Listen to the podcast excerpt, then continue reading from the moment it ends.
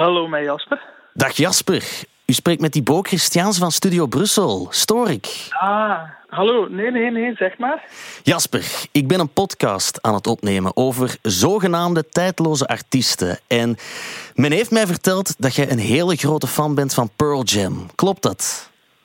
Ja, dat klopt. Ja, ik ben zeker, zeker een grote fan. Hoe, hoe een grote fan? Uh, heel groot, heel grote fan. Ik heb zo veel uh, kunnen live zien. Ik heb al veel in de buurt op hetzelfde podium mogen staan als Pearl Jam. En uh, ja, ja, dat is zo de voorbeelden. hè.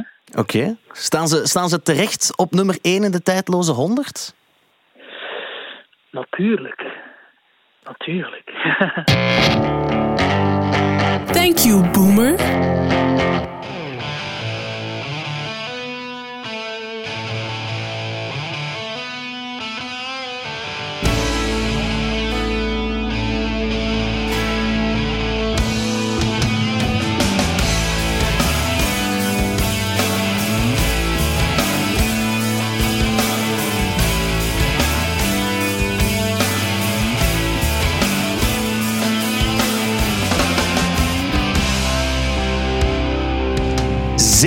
Zeer, glad ijs. Daar bevind ik me nu op en dat weet ik. Hoe kan je in godsnaam de Amerikaanse rockband Pearl Jam nog in twijfel trekken?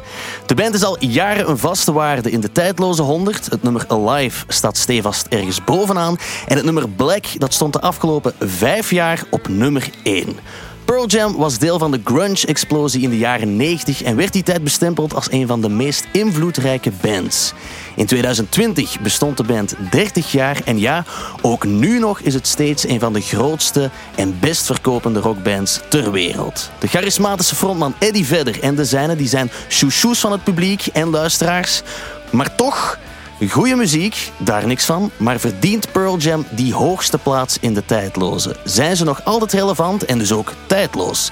Ik zoek het uit met een superfan, een muzikant die zijn strepen ook verdiende in de jaren 90 met zijn band Arid en ook al jaren solo menigte stemt en verwendt met zijn prachtige stem. Dag Jasper Steverlink. Hallo. Hoe gaat het ermee? Goed, jong. En mij? Met mij ook supergoed. Ik ben blij dat jij bent gekomen naar de studio om te babbelen over Pearl Jam, want jij bent een grote fan.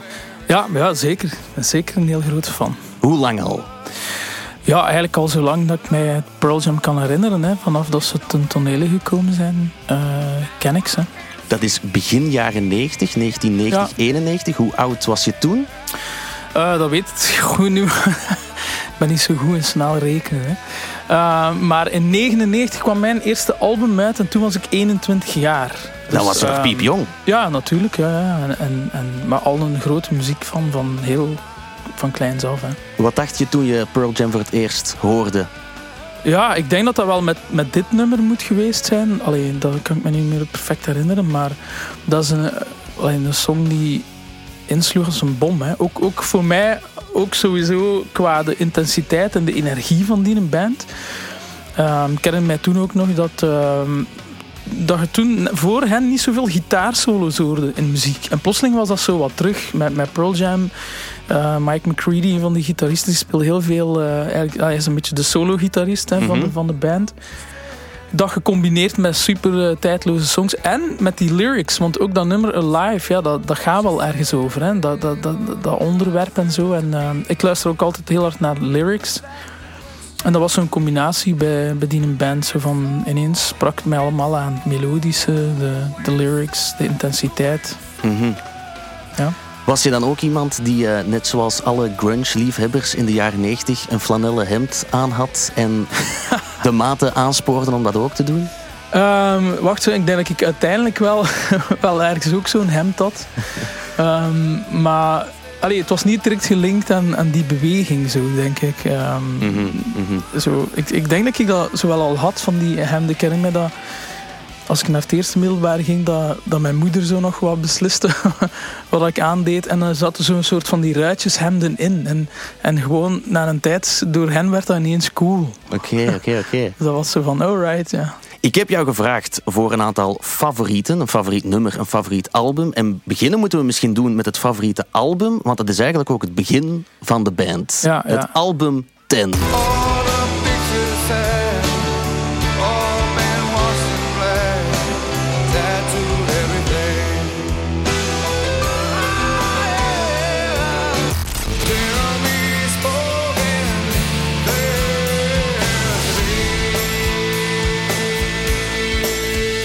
Ja. Hun debuutplaat. Waarom zo'n goed album? Ja, gewoon, allee, ten eerste al, misschien is dat vaak met debuutalbums, of, of hoort, ehm, er staat geen enkel slecht nummer op. Hè. Dat is gewoon zo. Daar zit, qua songwriting is alles daar zo uh, samengevallen. En, ehm, en dat is dan maar één aspect, maar dat heb je sowieso nodig. Als, als je ooit een tijdloos iets, album of iets wil maken, dan, uh, dan moeten die songs gewoon zodanig goed zijn dat ze, dat ze, zoals het woord zelf zegt, de tijd kunnen, kunnen um, transcenderen. Alleen voorbij het gegeven tijd gaan. Dat, Ja, ja. Dat, dat een jong mens die nu vandaag die, die nummers voor de eerste keer hoort, zoiets zeggen van wauw, dat zijn echt wel goede songs. Dat sowieso. En, en ook omdat die, ehm, al, die, die skills ook van die muzikanten waren ook wel op dat moment top. Zo. Er zijn veel bands, die hadden ook nog zo dat extra eh, ding van... Die nummers van Pearl Jam zijn niet zo simpel om te spelen als je niet al even op je gitaar geoefend hebt. Ja, zo, ja. van die eerste plaat. Zo. En niet dat dat een vereist is, maar dat was ook wel iets waardoor dat ze zich eh, onder, onderscheiden, vond ik, van... eh, en zeer melodisch. Hè? Allee, melodisch is, is ook wel... ehm, het is een rockgroep en, en er is rhythm. En ze hebben natuurlijk een, een charismatische frontman. Maar ook dat legendarisch Unplugged concert van, van Ja, ja. Pearl Jam bewijst dat ook. Dat, dat, dat, allee, die hadden niks nodig zo. No pyrotechno, eh, pyrotechnics, of hoe heet dat? Geen, geen trucjes. Mhm. Het is gewoon zo van bam, dit is... de- ja, het is, het is zodanig goed dat je dan zoiets moet hebben van ja... Zelfs zo misschien, ik wou jullie niet goed vinden, maar, maar het is toch goed, snap je? Even bekijken hoe dat album tot stand is gekomen. Vond ik zelf heel interessant om te kijken hoe Pearl Jam met name ontstaan is. Ik heb geleerd dat leden van Pearl Jam leden zijn geweest van andere goede grunge bands die hen zijn voorgegaan. Met name Ja. de band Green River, waarvan enkele leden later Mudhoney zijn gestart. Maar ook Mother Love Bone. Ja. Wanna show you something like a joy inside my heart. Seems I've been living in the temple of the dog. Dit is het nummer Man of Golden Words. Ja. En de gitarist Stone Gossard en de bassist Jeff Ammond die speelden in deze band. Ja. Ja, ik vind dat mega goed. Eh, Dat, dat was ook mega goed. Er, er was iets rond die, rond die gasten. Allee, dat is zoiets, waarschijnlijk een moment in de tijd waar, waar, waar eh, dingen samenkomen. Hè, waar, waar Mhm, things mhm. align. En ehm it was meant to be. Hè. En ik weet ook nog, allee, Pearl Jam is ook nog, ik geloof dat die, die hebben ook nog samen in een band gezeten waar dat leden van Soundgarden eh bij zaten. Ik geloof dat de drummer van Soundgarden die speelt nu bij, bij. Pearl Jam en zo. En, en eh, Chris Cornell en, en, en eh, Eddie Vedder, goede vrienden en zo. Dus ze zijn allemaal een beetje uit dezelfde pool ontstaan. En deze frontman van die band die is eh, overleden, dacht ik, aan een, Ja. aan een overdosis drugs of zo. Andrew Wood, dat was de, Ja. ook een charismatische frontman, die is gestorven Yes. aan een overdosis. En dan hebben Jeff Ammond en Stone Gossard even geen muziek meer gespeeld. Tot die Stone Gossard een tapeje maakt met een aantal demo's op. Die hij gemaakt heeft samen met Mike McCready. Dat is dan de Ja. gitarist, de huidige gitarist. En op een van die demo's kon je dit nummer horen.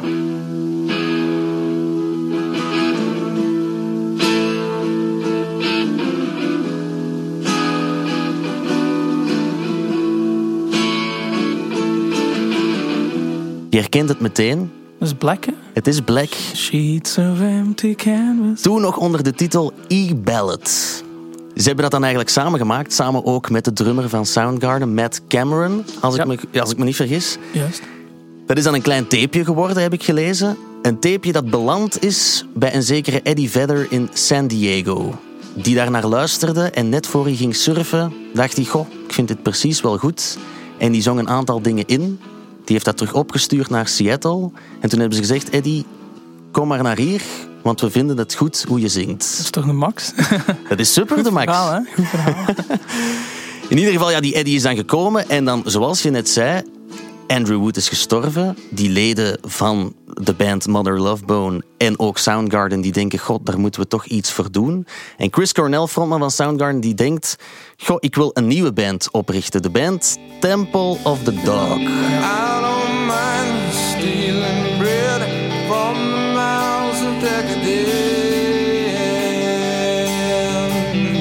Is het nummer Hunger Strike. Je kent het heel ja, duidelijk. natuurlijk, natuurlijk. Fantastisch nummer. On a powerless. Dit is trouwens ook met Eddie Vedder, die net was overgevlogen naar Ja. Seattle. En die heeft een aantal nummers van Temple of the Dog daar backings op gezongen, maar hier ook echt met Chris Cornell samen Ja, gezongen. een soort van duet. Hè. Ja. ja, daarnaast had je dan wel die demootjes waar Eddie Vedder op had gezongen. En daarvoor was die gekomen naar Seattle. En eigenlijk is toen Pearl Jam ontstaan. Weet je hoe ze eerst heette voor de befaamde naam Pearl Jam? Eh, Mookie, something Mookie, een- naar een naam van een basketbalspeler, maar Mook, Mookie Blaylock. Mookie Blaylock, ja. V- Ja. Vind je, dat, vind je dat een goede naam om eh, als band door het leven te gaan? Nee, ik ken Mookie, de, de Mookie Blaylock niet, maar ik vind, vind het niet zo... Ik denk dat het minder zou blijven hangen. Ja. Alhoewel Pearl Jam. Maar nee, Mookie Blaylock, dat is het niet. Maar ehm Pearl Jam beter. moet ergens beginnen. Hè? Pearl Jam beter dan. Ja, ik heb, dat. ik heb ook wel gelezen dat Pearl Jam de naam zou komen door een, een, een soort van referentie naar de groot, grootmoeder van Eddie Vedder, die Pearl zou heten. En de jam zou slagen op een Native American recipe voor een soort van jam. Ja, dat bewijst eigenlijk hoe goed dat die zijn. Dat die eigenlijk een onnozele naam zo, zo eh, eh, 30, 40 jaar lang kunnen doen uitgroeien tot, tot zo'n mega fenomeen. Dan zijn het toch goed? Ja, ja. misschien wel, misschien wel. Ze hebben dan die plaat opgenomen, Ten. Ehm, weet je waarom die Ten heet? Daar kwam ik dan ook pas achter. Het heeft ook iets te maken met de NBA-speler Mookie Blaylock. Ja, omdat dat zijn nummer was. Ja, ja, inderdaad. Het rugnummer. Wat mij dan wel enorm hard stoort, is dat het album Ten heet, Maar dat er geen tien nummers op maar er staan elf nummers ja, op. ja. Ja, dat is, daar moet u toch over zetten dan. Oké, ik, ik, zet, ik, zet me er nu- ik zet me er nu over. Ja, dat is eigenlijk, ja. Ik heb trouwens ook geleerd dat er eh, op het album Ten dat er een soort van mini-opera op zou staan. Dat Nee. weet ik niet. Ben je daarvan op de hoogte? Nee.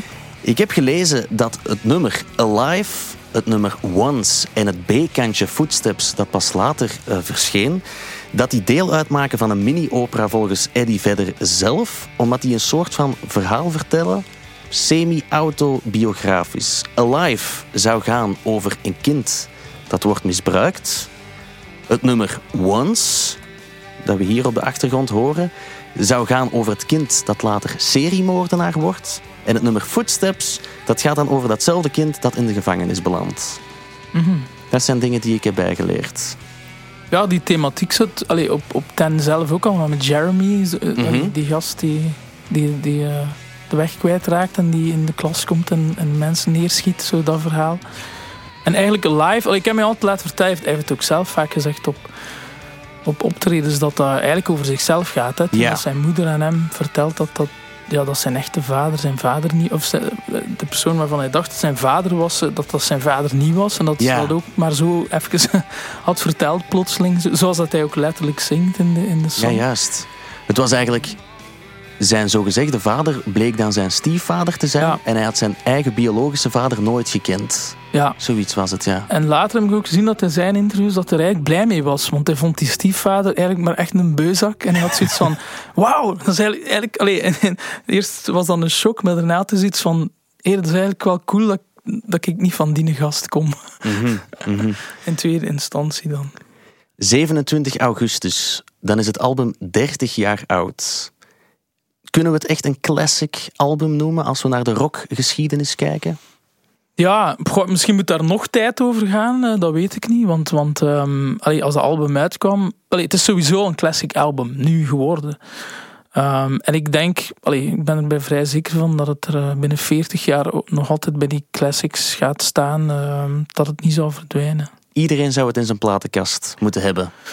Eigenlijk wel, ja. ja zeker. Want het is, het is gewoon ook een... eh, net zoals dan Nirvana het een classic album had, met, met andere soort muziek, is dit ook een... eh, is dit is duidelijk een classic album eh, gebleken. Oké, oké. Ik heb jou ook gevraagd naar jouw favoriete nummer. En dat was het volgende.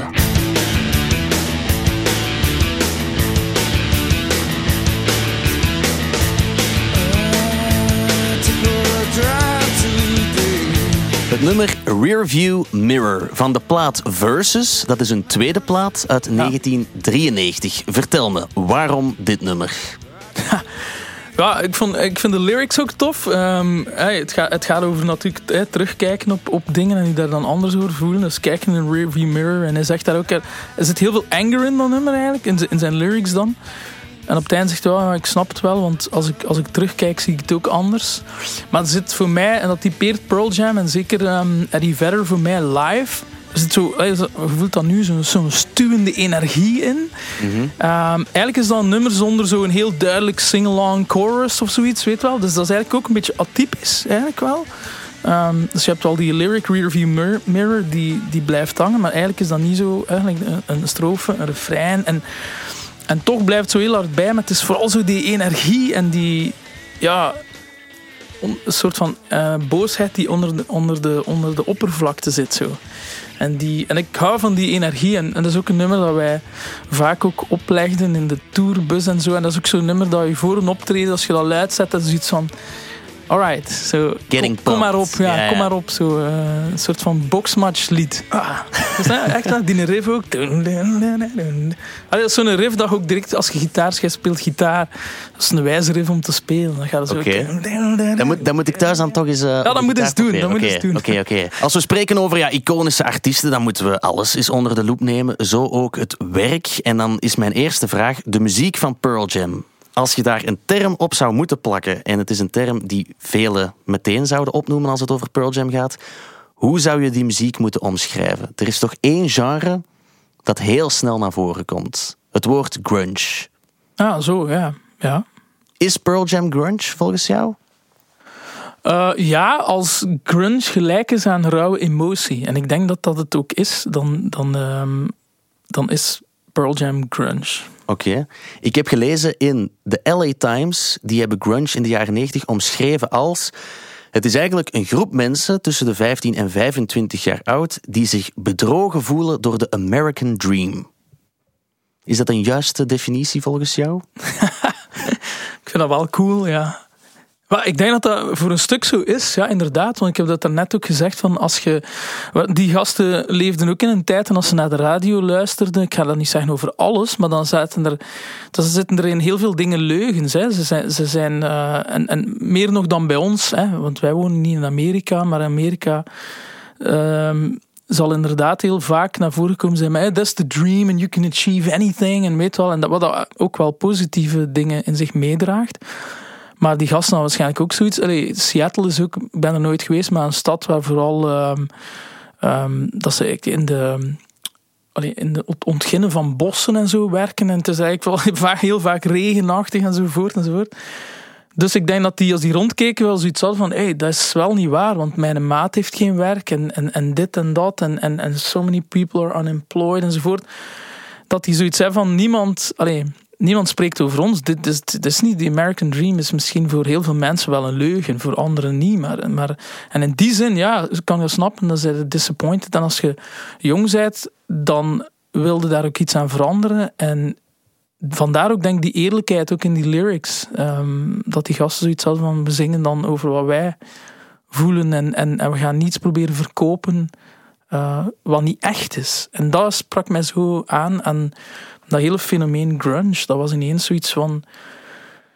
We gaan niet liegen, we gaan niet proberen iets anders te zijn. We gaan niet zeggen, kijk eens naar ons. Like een gorilla op je borst slaan van how cool we are and everything. Um, en dat is altijd iets, denk ik, wat uh, jonge mensen altijd... Um, um, ik ging zeggen, kunnen to relaten, maar kan, kan niet meer op, op Nederlands uh, ja. zich mee kunnen identificeren. Ja. Zoiets hè, van, ah ja, ja, natuurlijk. En, en dat is ook wat ik voel. Dus dat, dat is mijn realiteit. En die gasten zingen daarover. En dan met, allee, en ook met zoveel, uh, zoveel passie en overtuiging. En, en ja. Als we het hebben over grunge, dan zijn er twee bands die snel naar boven komen, namelijk Nirvana en Pearl Jam. En die klinken toch niet helemaal hetzelfde. En die zijn ook niet altijd even goede vrienden geweest. Want dit zei Kurt Cobain ooit in een interview over Pearl Jam. Have you always been friends? What's up with we you never, and Eddie? We never had a fight ever. I just have always hated their band. But it's not like you're friends or anything. no, well, I mean, I, I can consider him a person that I really like. I mean, we've had a few conversations on the phone. I, I really like him. I think he's a nice, really nice person. Eddie Vedder is a nice person, maar de band Pearl Jam vond Kurt Cobain toen in der tijd maar niks. Die vete tussen Nirvana en Pearl Jam, is die terecht of is dat iets wat de media ervan gemaakt heeft? Goh, dat weet ik niet, want ik ken een persoonlijke verhaal niet. Maar wat ik daar natuurlijk uithaal uit dat fragment is gewoon van... En dat is eigenlijk... ehm, dat is eigenlijk wel schoon dat hij dat ook kan zeggen. En hij zegt van, kijk, ik vind dat een toffe gast. Heb daar eens mee gebabbeld. dat is wat Kurt Cobain zegt. Maar ik vind die muziek niet zo goed. Maar ehm, ja, dat, daar is natuurlijk niks mis mee. Hè. En ook eh, over de tijd heen eh, ehm, verandert soms mensen hun mening over iets. En wie, wie zegt dat, we gaan het nooit weten, dat Kurt Cobain niet zou zeggen van... Wow, man, these guys are still around after 30 years.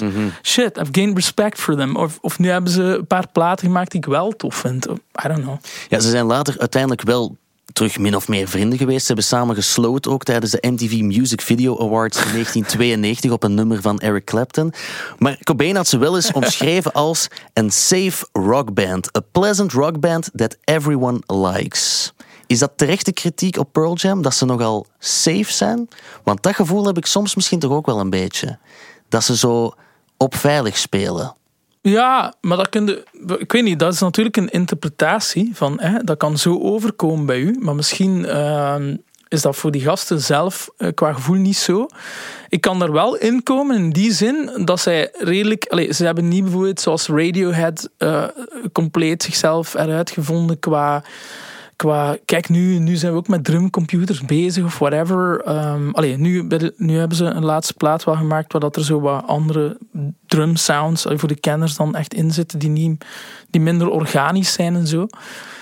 Maar dat impliceert niet direct, allee, je kunt daar dan zo naar kijken en zeggen dat is veilig spelen. Maar soms is ook bij je ding blijven en zeggen van this is me, is ook, hoe moet dat zijn, is ook een statement, is ook bewonderenswaardig. Is zeggen van Wa- waarom, waarom moet ik alles van? Waarom moet ik. Snap je? Dat kan even stoer zijn door te zeggen van hey, this is what I do. En, en, en dan moet jij zeggen. En ik denk dat dat ook een reden is waarom dat die nog around zijn na, na zoveel jaar. Omdat ze eigenlijk tijdloze muziek maken. En tijdloze muziek is toch wel vaak gebonden aan, aan ehm, ja, niet, niet te veel op trends meegaan van geluiden dan. Omdat die u vaak binden aan, aan, aan een bepaalde tijd. Ik heb jou ook gevraagd naar een volgens jouw carrière definiërend werk en jij hebt het nummer Better Man gekozen. She lies and she's in overtime. Can't find a better man. She dreams in color, she dreams in red. Can't find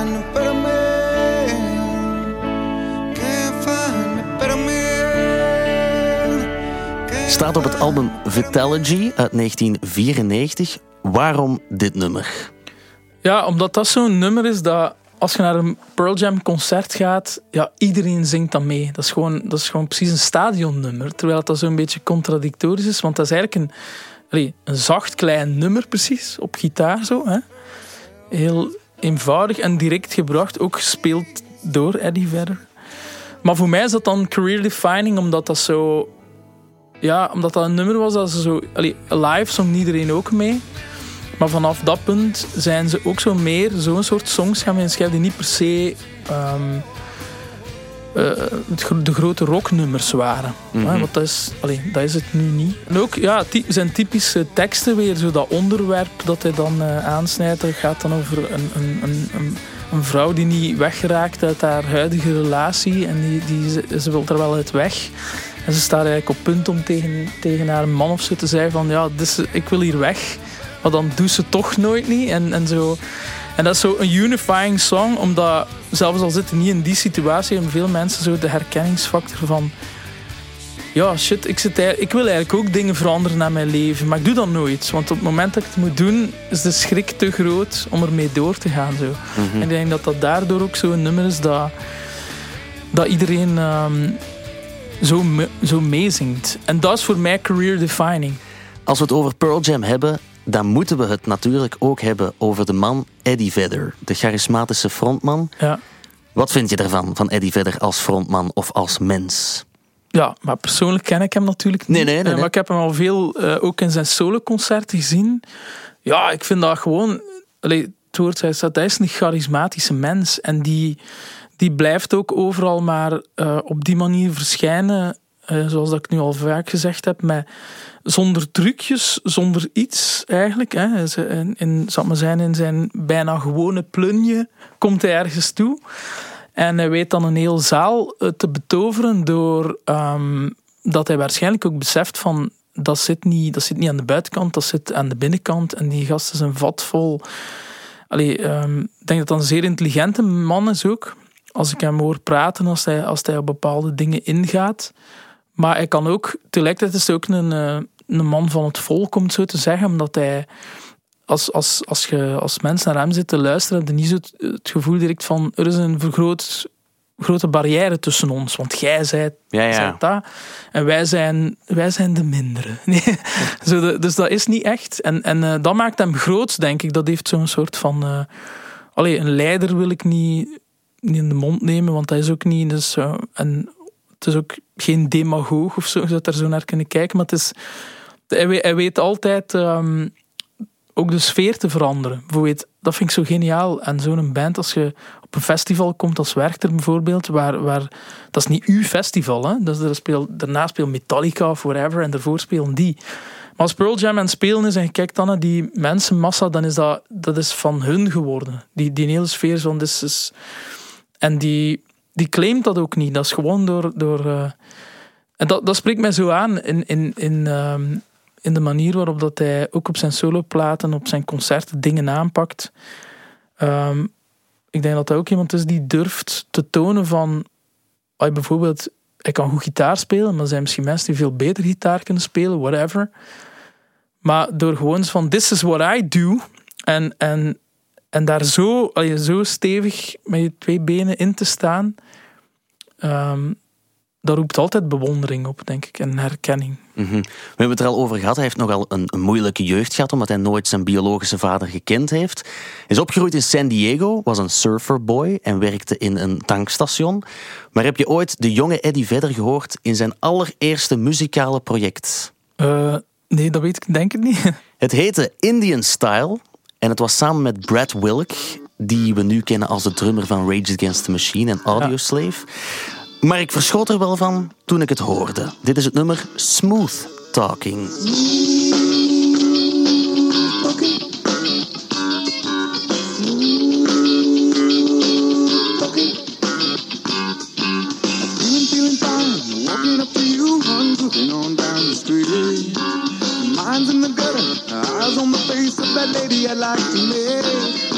Zijn eh, stem is doorheen de jaren wel enorm hard veranderd. Hij wordt ook gezien als een van de betere zangers in zijn genre of court. Ik heb bijvoorbeeld de, eh, de stem op het nummer Even Flow gevonden in de Isolated versie. Dat je alleen Eddie Vedder zijn stem hoort.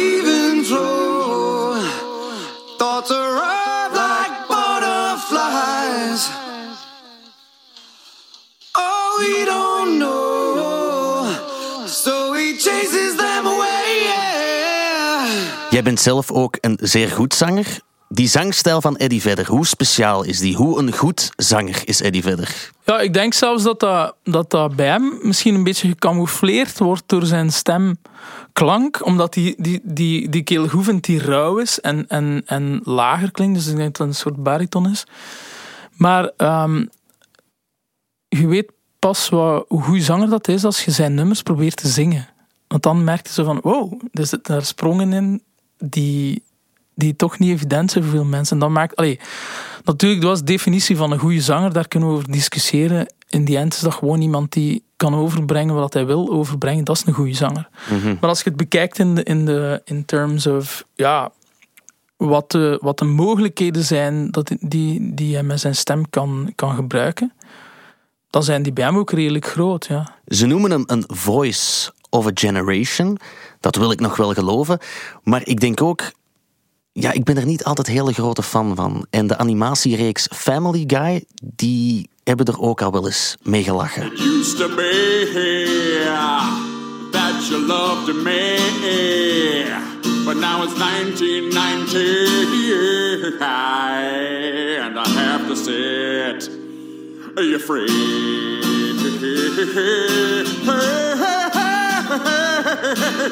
The letter A, the A, the A, the letter A, A, A, A, A, A.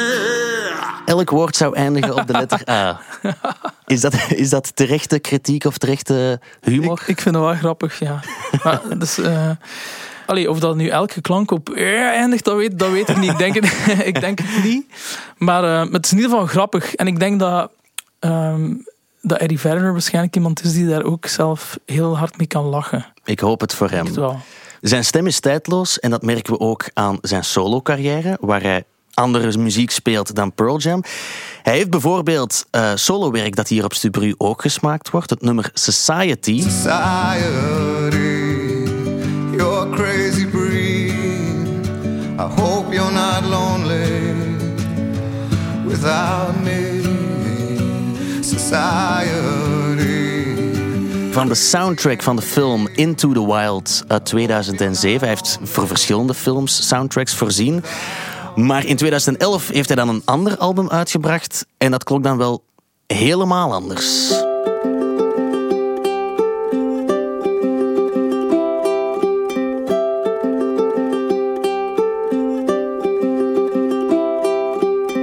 Ukulele songs. Ja. Een album vol met ukulele nummers. ik voel een soort kritiek in u. Eh, dit is geen kritiek, want ukulele, ik, ik denk niet dat dat zo simpel is. Ik heb het zelf eigenlijk nog nooit echt gespeeld. Dit is het nummer Waving Palms, vond ik eigenlijk vrij rustgevend. Eddie Vedder is ook een slimmerik natuurlijk. Ehm, ik weet niet of dat hij dat bewust gedaan heeft, maar zo... Er zit een heel groot... Allee, hij heeft trouwens dat instrument cool gemaakt. Want ik weet Ja, niet ja. veel mensen meestal van... Wauw, ukulele is echt... Allee, een, hij zei daar net zo, dat, dat zingen, eh, die manier van zingen is veel gekopieerd. Maar ook allee, met de ukulele aan de slag gaan is ook veel gekopieerd dankzij Eddie Vedder. Maar het werkt zo goed bij hem, omdat dat contrast... Die ukulele is eigenlijk een, een licht... eh, een lichter, ja, sprankelend en braver klinkend eh, instrument. En zijn stem is eigenlijk veel rauwer en warmer en dieper. En dat contrast is heel schoon. Ja, wie Pearl Jam zegt, die zegt Eddie Vedder. Maar ik heb daar straks een rondvraag gedaan. Ik zeg, zeg eens wie er nog in de band Pearl Jam speelt. En ik kwam toch wel tot het besluit dat vele mensen enkel Eddie Vedder konden opnoemen. Hoe zit dat met die andere muzikanten? Ja, maar natuurlijk, die, die, de band is die band. En, en ook al die andere leden maken die band. Dus dat, dat is dan tijdloos. Het feit dat mensen niet weten wie dat die anderen zijn die in die groep speelt, heeft gewoon ook met eh, ja, het mediatieke te maken. En eigenlijk mensen die echt diep in muziek zijn, zouden wel moeten weten. Vind ik wel. Maar eh, die zouden natuurlijk moeten weten wie- hoe dat de gitarist heet van Pearl Jam. Of hoe de drummer heet van Coldplay. Of zo. Dat zouden eigenlijk moeten weten. Maar de realiteit is dat de meeste mensen alleen de zanger kennen. Ja. En dat is natuurlijk leuk voor ons. Want wij zijn al twee zangers. maar eh, laat ons besluiten dat dat niet aan die band ligt. Of aan die andere bandleden. Dat die dan niet tijdloos zouden zijn. Dat ligt gewoon aan de mensen. dan Dat die gewoon niet, niet verder dan hun neus lang kijken. En niet weten van wie is de drummer. Eh, en wij als muzikant weten dat meestal wel. Hè? Ik heb, ik heb twee nummers geselecteerd van Jam waarvan ik denk, goh, dit wil ik eens voorleggen aan Jasper om eens te vragen of dit wel goed genoeg was om mee naar buiten te komen. En het zijn twee nummers die alle twee op het album Vitality staan. Het eerste nummer is Stupid Mop. Just like missing having sex feels cared for. Wanna be loved, so they have sex together. And they feel loved about it. This is the way Ik geef al mee, het nummer duurt 7 minuten en een half. Ik ga even doorspoelen.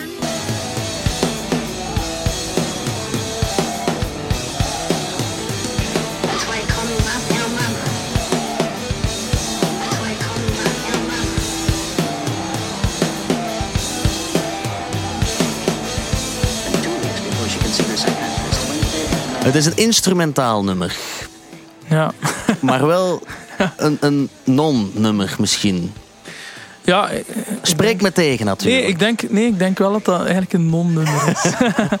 dat is eigenlijk misschien de, de band die u de kans wil geven om naar het toilet te gaan of zo tijdens het beluisteren van de album. Wat dat ook een soort van... eh, Het mag, het mag, het mag. ja, nee, maar je hebt vaak mensen die... Allee, het doe ik ook allee, ter verdediging misschien in die tijd... eh, en sommigen doen dat nog, jij misschien ook, of ik misschien ook.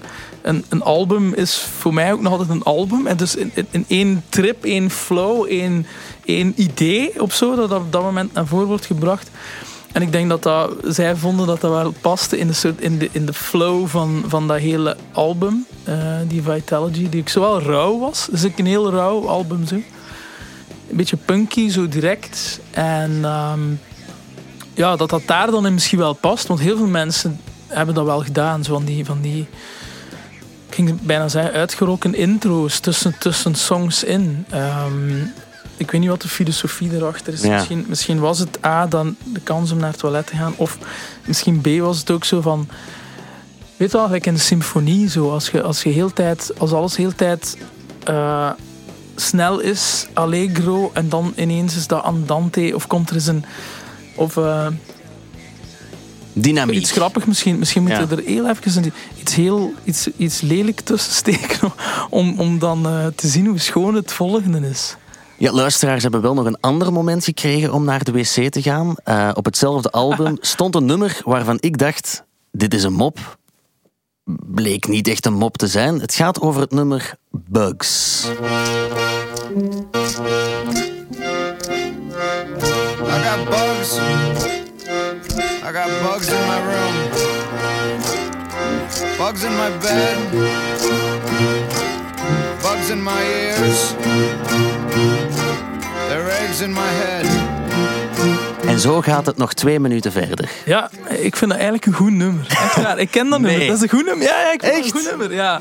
ja, dat is waar. Dat vind ik wel Maar goed. ik, ik, kan er, ik kan er echt goed mee om als, als, als bands zo'n nummers maken om wat mee te lachen. Maar bij dit dacht ik van, ze spelen dit ook live. En dan is het een soort van gimmick dat ze het live spelen. Maar dan denk je van, maar waarom? Waarom speel je dit live? Maar ik vind dat echt een goed nummer. Echt waar. Ik, ik- je kunt dat zelfs, ik zweer het u, doe dat met een string quartet. Ja? En speel gewoon die akkoorden in, in, een, in een classical voicing open op die piano. Je gaat zo het gevoel hebben van... Wow, this is, this is actually good. ja, echt waar. Het is een soort van... Ik denk dat die dat spelen, dat is een soort van... ehm, het, het, het heeft voor mij iets gospel. Niet, niet, niet in uitvoering, maar gospel in de zin van... We zijn, eh, we- we're gathering our friends. Dus zo, het heeft zo het gevoel van zo... eh, Op dat nummer kunnen ze zo een clip op maken waarbij dat de mensen allemaal uit de straat komen en allemaal samenkomen en allemaal... I got bugs in my bed Ja, zingen. zoiets. Ja, zoiets. en die bugs zijn dan een metafoor voor um, the, the annoying problems that we all have. Zo, een beetje zoiets Goh. achtig. Allee, je kunt dat ver... Ja. Ik weet, niet, ik weet niet of ik op dezelfde trip zit. Als Nee, het, nee, maar ik ben, nu, ik, ben nu, ik ben nu een uitleg. Ik ben nu gewoon aan het verdedigen of zo van... eh, nee, maar ik vond het wel, maar dat meen ik wel. Dat ik dat eigenlijk, want ik herinner me dat als dat kwam, ik vond het eigenlijk nog wijs altijd, dat nummer. Oké, oké. De ander niet, maar dat, dat wel. Ieder zijn eigen mening. Ik, ik wilde jou ook nog vragen. Weet je wat het best presterende nummer van Pearl Jam is in de charts? Eh, in de charts. En dan heb ik het over de Billboard in Amerika. Ah, dat zal niet live zijn dan. Eh, nee, eigenlijk weet ik dat niet. Het was een vreemde vaststelling, want het was het nummer Last Kiss. Ah ja, ja.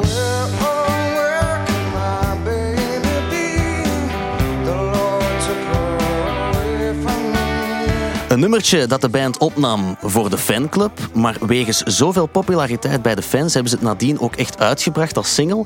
En het stond op nummer 2 in de Billboard charts, eh, waardoor het het hoogste eindigende nummer was van Pearl Jam als in de charts. Maar het is een cover. Het is een cover van dat is- eh, de 1960s ballade van J. Frank Wilson en de Cavaliers. En dan denk ik, het is toch straf dat een cover het best marcherende nummer is van Pearl Jam. Of zie ik dat verkeerd? Oei, en dat, maakt dan misschien niet hun, hun, hun prestatie minder, want het bekendste liedje is een cover. Dus de analogie bij mij is dat ook zo. Een liedje gemaakt, eh, gecoverd live van Mars en dat is misschien ook mijn bekendste nummer, terwijl het niet van mij is. Dus, eh, Maar wat dat is altijd pijnlijk. Ik, Nee, vind, is het, ik vind het niet per se Nee, pijnlijk, maar ik maar- dacht, ik ga het wel eens voorleggen, want ik had het niet verwacht, want ik dacht Black, of, of ja, Black niet, want het was geen single, maar ik dacht Alive of zo, dat zal Ja, veel hoger gestaan hebben in de charts, maar blijkbaar niet. Het is een cover. Maar eigenlijk, allee, dat is mijn persoonlijke mening als, als, als songwriter en zo. En als ik dat hoor, dan heb ik zo weer iets van, ja, ik kan dat wel verstaan aan de kant. Het is zo, dit, is, dit is vrij simpel, dit is zo heel eenvoudig. En, een, een, ja, het klinkt meer als een, een, een, een, ehm, een heel vriendelijk popliedje. Zo. Mhm. Maar het is eigenlijk minder representatief voor Pearl Jam, omdat hun muziek qua structuur, qua akkoorden, whatever, dat, dat moeten de mensen niet weten, maar is toch veel ehm, uitgebreider dan dit. Maar het, het, het blijkt vaak zo te zijn dat ja, hoe simpeler dingen zijn, hoe, hoe sneller een grote massa vindt. Het is licht verteerbaar. Ja, het, is, het, is Ja. Zo, ja, het, is, zo- het heeft zoiets van ja. En, en ook, ja, veel mensen luisteren niet, niet naar teksten. Ik vind dat wel jammer, maar ik aanvaard dat. Ehm, dat als je dat gewoon naar die melodie luistert, dan heb je zoiets van: oh ja, dat is gewoon. Zo mensen zeggen het is een vrolijk liedje. Eh, zonder, ja.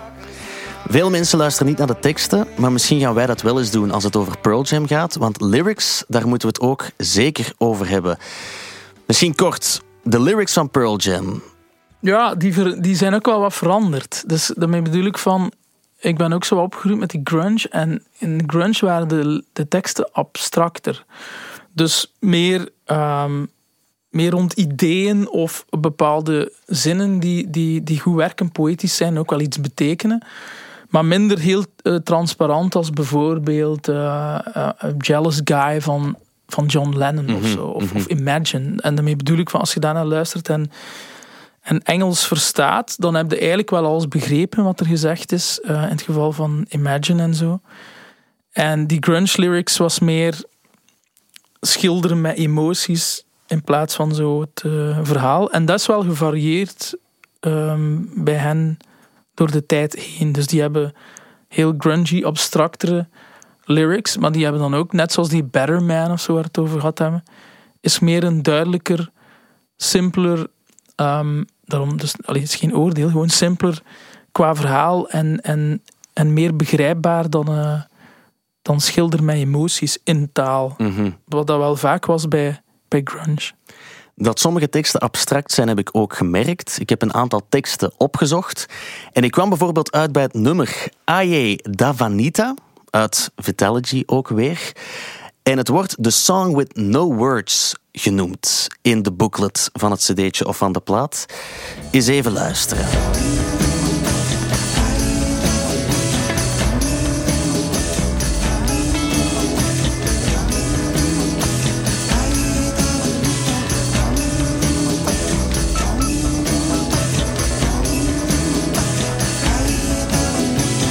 Vibe zit goed, maar het is een heel nummer lang.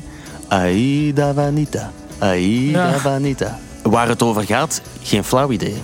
Maar Dat, dat vind ik niet zo goed ook. Dat skip ik dan gewoon. Oké, oké. Misschien nog een ander nummer proberen. Het nummer Got Some van het album Backspacer uit 2009.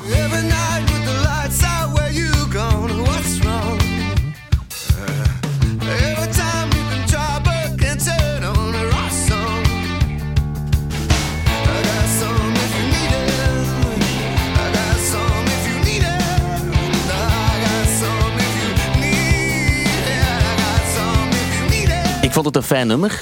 Het heeft ook zo wat Divo-vibes, vind ik zelf. Maar ik vraag me af... Divo. Eddie, wat zijn, dat, zijn dat die klassieke zangers of zo? Divo. Die, eh, de, de rockers uit Akron, Ohio. Ah ja, oké. Nee, nee. Ik dacht, ik dacht ineens eh, dat je bedoelde Il Divo. Ah, nee. Dat zijn zo... Dat zijn zo Ja, ja, dacht, ja. Wow, dat vind ik... Dat hoor ik Italiaanse charmezangers. Maar dit nummer, ja, Got Some, heel de tijd. I got some if you need it. Ja. Ik denk dan, Eddie, wat heb je? Ah, wat dat hij precies heeft, ja. Ja, ja. Ik weet het niet. Ik denk, eh, dat is gewoon een knipoog naar de vrouwen. Hè. Got some if you need it, zoiets. Waarschijnlijk. Waarschijnlijk al.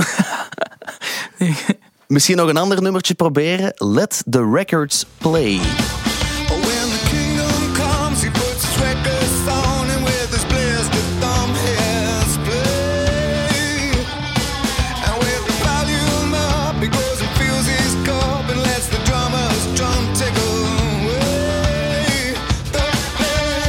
Het is misschien een ode aan mensen die een plaat volledig laten uitspelen in plaats van telkens skippen. When the kingdom comes, he puts his records on and with his blister thumb hits play. And with the volume up, he goes and fills his cup and lets the drummer's drum take away the pain. Wauw, dan had hij misschien wel iets gerookt of zo. op dit moment.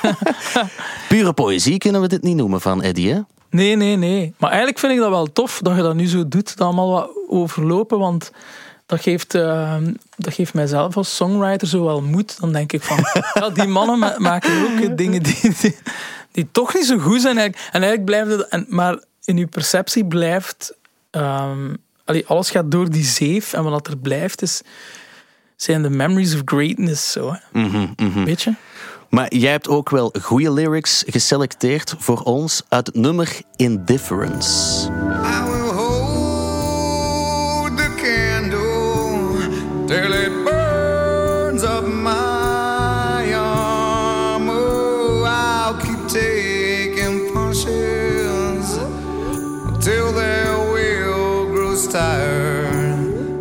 Keep taking punches until their will grows tired. Waarom heb je deze tekst geselecteerd? Ja, dat was iets als, als eh, jonge man. ehm, ja, sprong dat er enorm uit voor mij. Ik ben zelf een melancholicus ook. Ehm, en, maar ik vind dat eigenlijk fanta- Allee, dat, dat kan op een poster. Hè. En dat mag zelfs een witte poster zijn met niks op. I'll keep on taking punches until their will grows tired. Dat is, dat is zoiets van. Waarschijnlijk ook analogie met die grunge. Hè. Zo vaak het gevoel hebben van. eh, ehm, ik moet hier constant tegen iets vechten. En, en, en ja, een beetje. Wat ook in, in, het leven zo is. Van ja, waar moet ik naartoe? En I don't know all this. Maar ik vond dat wel geweldig als je dan zo. Die zinste ehm, zegt voor mij van. Ja, al, ook al gaat dat zo zijn. Ze krijgen me niet klein. Hè. I'm, just, I'm just gonna go. Dat vind ik eigenlijk een wijs credo. Zo van, I'll keep on taking punches until there will... Uiteindelijk gaan ze ermee stoppen. Want, want, want eh, ik zal de bovenhand hebben. I'm, I'm, I'm the strongest. Oké. Vind ik mooi. We gaan over naar live optredens. Want we weten allemaal dat Pearl Jam een goede live band is. De band speelt veel live, dat is heel energiek. Er zijn wel zo'n aantal dingen die die live shows typeren, heb ik al gemerkt. Bijvoorbeeld Klauterkunsten van Eddie Vedder. Ja. Die klom geregeld wel eens in een podium. En in 1992 ook een zeer iconisch moment te noemen, toch? Op Pinkpop. Ja, springt hij op een kraan op Pinkpop Festival in Nederland, waarvan hij dan springt in het publiek. Ja, de man is ondertussen ouder geworden. Klimmen en zo, dat doet hij niet meer, denk ik dan. Eh, ik heb dat niet meer echt gezien als ik die eh, dus live gezien heb dat hij ergens in klom. Mhm. Maar hij heeft zelf al vaak gezegd in interviews dat dat ook zo, ja, de adrenaline was van toen. En ook, pas op, ehm, dat is de kracht van de naïviteit, hè, noem ik dat. Als je, als je jong bent, dan doe je dat allemaal. En hij was toen ook wel heel jong, toch? Want ik denk, als die plaat uitkwam, Ten, en dat is ook dat iconisch moment van op die kraan springen, dat was volgens mij nog in de, in de, je dat, in de stream van Ten, het succes Ja, ja, van Ten ja, op- die plaat. Volgens mij was hij dan heel jong. Allee, ik weet niet hoe oud hij was, maar in begin de twintig of zo. Mhm, mhm. En dan doe je dat wel eens. Hè. De rush of moment. Dan spring je toch... Allee, dan spring je op een kraan. Hè. Dat is, maar ja, ik denk dat... Maar dat is wel zot. Want allee, ik bedoel, als je nu gewoon eens los daarvan ziet naar veiligheid, had dat ook wel helemaal anders kunnen aflopen, die momenten. Dat hij helemaal van boven, zonder allee, een, een of andere uitrusting, helemaal van boven in die, in die Ja, dingen. ik heb beelden gezien dat hij naar boven klautert en echt Ja. bovenaan meters hoog hangt. Ja. En dan neemt hij zijn micro, hangt hij ja, over, weet ik het, een balk en gaat hij als een soort van brandweer naar beneden aan zijn microkabel. Dan denk ik van dit had wel echt Oeh, veel erger kunnen aflopen.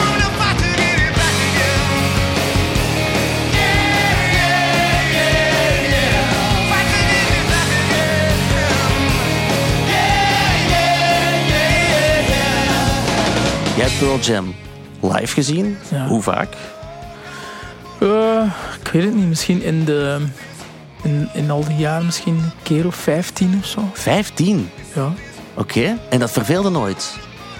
Nee, nee. ehm, ja, soms zat wel veel tijd tussen en zo. Ja, maar het was maar ook, het was ook allee, bijvoorbeeld momenten. allee, ik heb ze op werk vaak gezien. Ik heb ze in het buitenland gezien, in Engeland gezien. eh, ehm, zoals ik zei, vaak ook zelf keer mee gespeeld. Allee, dus niet eh, op hetzelfde festival en op hetzelfde podium. Ehm, ja, die, nee, voor mij verveelt dat nooit. Juist omdat die. ehm, allee, die hebben ook een groot repertoire natuurlijk. Eh, Die, kunnen, hè, die, kunnen, die spelen soms wel heel lang ook, eigenlijk. Dus ehm, de kans dat je zou vervelen is, is wel mogelijk. omdat, Ja. omdat ze eigenlijk lang spelen. Maar eh, ja, hebben ondertussen zoveel iconische nummers. En omdat dat gewoon, ehm, zoals ik al zei, een band is die... Zeker ook dag van vandaag, als je die bijvoorbeeld ineens ziet op Werchter en je ziet heel veel andere bands, en je een soort gevoel van zijn een beetje misschien te beredeneerd met hun live show bezig of met hun performance. En dan komt Pearl Jam ineens op en dan heb je, krijgt ook zo het gevoel, misschien is het ook niet. Ik heb vaak uh, Eddie Vedder al horen zeggen dat hij echt de setlist maar allee, een half uur of zo op voorhand uh, maakt. Maar is dat, is dat ook niet zoiets wat dat bands zeggen en dat niet altijd waar is? Ik denk dan, die hebben toch ook een hele lichtshow mee en zo. Die is toch afgestemd op de nummers die ze gaan spelen. Wij Ja. weten ondertussen ook hoe dat, dat werkt. Ja. Zo'n setlist maken, vijf minuten voor de show. Ik geloof dat niet als bands van dat kaliber dat zeggen. Maar ik doe dat ook niet. Maar als, als er een band is die dat zou kunnen, dan is het wel Pearl Jam. Waarom?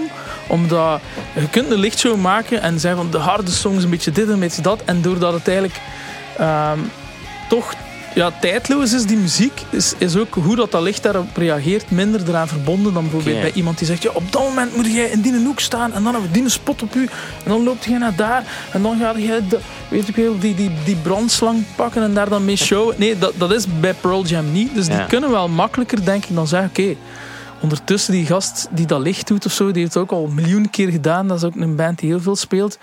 Ik dat hij wel kan zeggen, oké, plotseling spelen dat nummer en dan heeft de lichtman zoiets van, ah, dat is, dat is, dat is wat rockig en wat, en wat rechtdoor, gelijk dat ander. I know what to do. Maar er zijn niet zo echt specifieke momenten, zoals dat Muse bijvoorbeeld later ook wel had, van op dat moment moet ik op, dat op die hoek in het podium staan, dan heb ik mijn glitterjas aan en dan moet dat licht juist op mij weer kaatsen. En dat is ook niet bij hen. Dus als ze het zouden doen, is het plausibel omdat het wel makkelijker kan in die context. Mhm. Ze zijn ook vaste gasten eigenlijk in België. In 1992 gingen ze hier al komen spelen, maar dat is toen niet doorgegaan omdat Eddie Vedder door het lint ging tijdens een diefstal in Zweden of zoiets. Maar ze gingen ook komen in 2000. Is uiteindelijk ook niet doorgegaan wegens een drama in het, eh, op het Roskilde Festival in Kopenhagen. Daar zijn toen negen Ja. mensen verpletterd omwille van te veel volk voor het podium. En Eddie Vedder zei toen tijdens het optreden nog volgende woorden. Thanks a lot. I need to tell you something. It has nothing to do with music. It has something to do with uh, personal safety. You guys are amazing, it seems, but there seems to be a problem up front here, and they're going to ask us to stop for five minutes. So, would you take three steps back? And I'll, I'll ask you on the count of three, okay? Just everybody at once, maybe. One, two, three. Slecht weer, veel volk voor het podium. Blijkbaar ook omdat de boksen heel zacht stonden, waardoor mensen dichter bij het podium wilden gaan staan. Ja. Er zijn toen mensen vertrappeld, heel veel gewonden, maar dus ook negen doden. Pearl Jam was enorm hard aangeslagen door dat nieuws. Zo hard aangeslagen dat ze de dag nadien niet zijn komen spelen op Rock Werchter. Hoe een indruk heeft dat nagelaten op hen als band, denk je? Ja, ik denk enorm. Ik, heb dat, ik, ik weet daarvan dat dat toen gebeurd is. En eh, ik denk dat ik toen ook ja, wou, komen kijken, maar als ze dan niet, niet kwamen. En ik, tot op de dag van vandaag ehm, heb ik verder daar nog dingen over weten zeggen op, op een optreden. Dus ik denk dat dat hem als mens enorm geraakt heeft. En, en, ehm, en misschien dat hij hem zo allee, wat verantwoordelijk natuurlijk voelde daarvoor. Wat, wat heel erg moet zijn als je, als je daarvoor verantwoordelijk voelt omdat dat tijdens zijn optreden gebeurd is natuurlijk. Hè. Mhm. En, en, eh, en ik denk in, in, in Rock Werchter had dat misschien niet gebeurd, want alleen we staan er, of wij ging ik zeggen, omdat ik ook een Belg ben, maar ik maak Rock Werchter natuurlijk niet. Maar wereldwijd onbekend dat dat bij ons wel heel straf is. Van, en dat dat schijnt bij ons niet had kunnen gebeuren, omdat er eh, een systeem is met die middengang en die, en die hekken enzovoort. En, en die iedereen kent, zo die, die verschillende Ja. compartimenten op het festival. Maar ja, ik denk dat, dat allee, elke mens, als je mens bent, moet je dat heel hard raken. Ik denk dat je daar niet snel overheen bent. Mhm, mhm. Ja, ze stonden wel voor de eerste keer in België in 2006 in het Sportpaleis. Was je daar toevallig bij? Uh, denk het niet, daar niet. Uh, Ze hebben nadien wel heel veel op Werchter gespeeld. Ze Ja. staan in 2022 voor de zesde keer geprogrammeerd op het festival. ja. Ga je kijken? ja, natuurlijk. Maar zeker ook na die pandemie. Ik hoop dat die niet, niet terugkomt of dat dan ook niet wordt afgelast in 2022. Is dat zeker ja, voor mij een band die ik dan gewoon wil terugzien. O- Ook al is het om die sfeer van vroeger. Dat gaat een heel uitgelaten moment zijn, want te- tegelijkertijd zou dat dan een beetje een zegeviering zijn op die pandemie die dan voorbij is. Als je daar toch moogt staan met, terug met, weet ik veel, met 60.000 mensen of zo. En ik denk dat, dat, eh, ik denk dat zij dat ook heel goed gaan doen als ze daar kunnen en mogen spelen, omdat die ook meesters zijn in dat dan, ehm, die samenhorigheid en dat, dat gevoel zo wel terug oproepen van hé, hey, we kunnen dat nu terug doen. En, eh, maar ik besefte door al die dingen, dat is misschien een anekdo- anekdote, omdat ik daar nu heel te over aan het vertellen was. En het klinkt zo wat over mezelf, maar ik wil... eh, ik heb ooit met Arid gespeeld op Lowlands of Pinkpop, heel lang geleden. En wij, zijn, wij waren allemaal heel grote fans van, van Pearl Jam. En ik was toen aan het optreden, ik heb het niet gehoord. Ik heb dat fragment ook nooit teruggevonden. Maar ik heb mij toen laten vertellen door de mensen van Pinkpop. Die zeiden van Eddie Vedder was hier even op interview. En dat stond dan, het scherm staat dan vaak op in, in de radiostudio van, Mhm. van het hoofdpodium en, en, enzovoort. En dat hij gestopt zou zijn tijdens het interview en gevraagd van hey, who is this singer? I, I love this I love this band. Ja, en dat, dat hebben ze mij toen verteld als ik daar op interview kwam. Ze van, ja, echt, ja, ja, seriously, you can check it. Maar ik heb dat zelf nooit gezien, dat fragment. Maar misschien is dat daarom dat ik dan zo maar Pearl Jam eh, verdedig. Jasper, we gaan zo dadelijk voor eens en voor altijd bepalen hoe tijdloos Pearl Jam te noemen valt.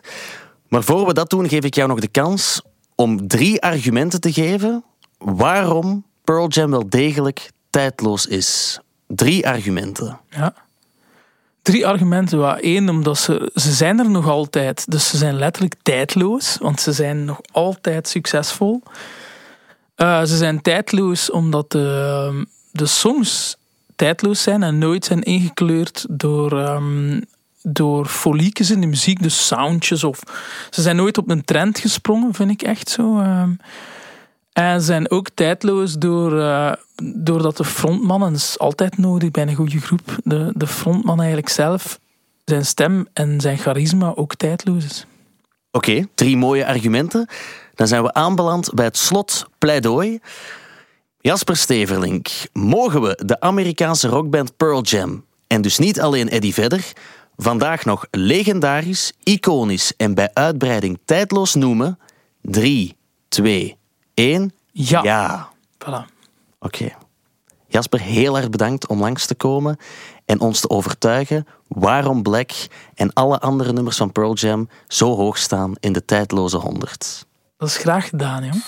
Check ook onze andere podcasts, zoals de podcast van de week, waarin Stijn van der Voorde zijn licht laat schijnen over het popnieuws. Nu in de Stubru-app.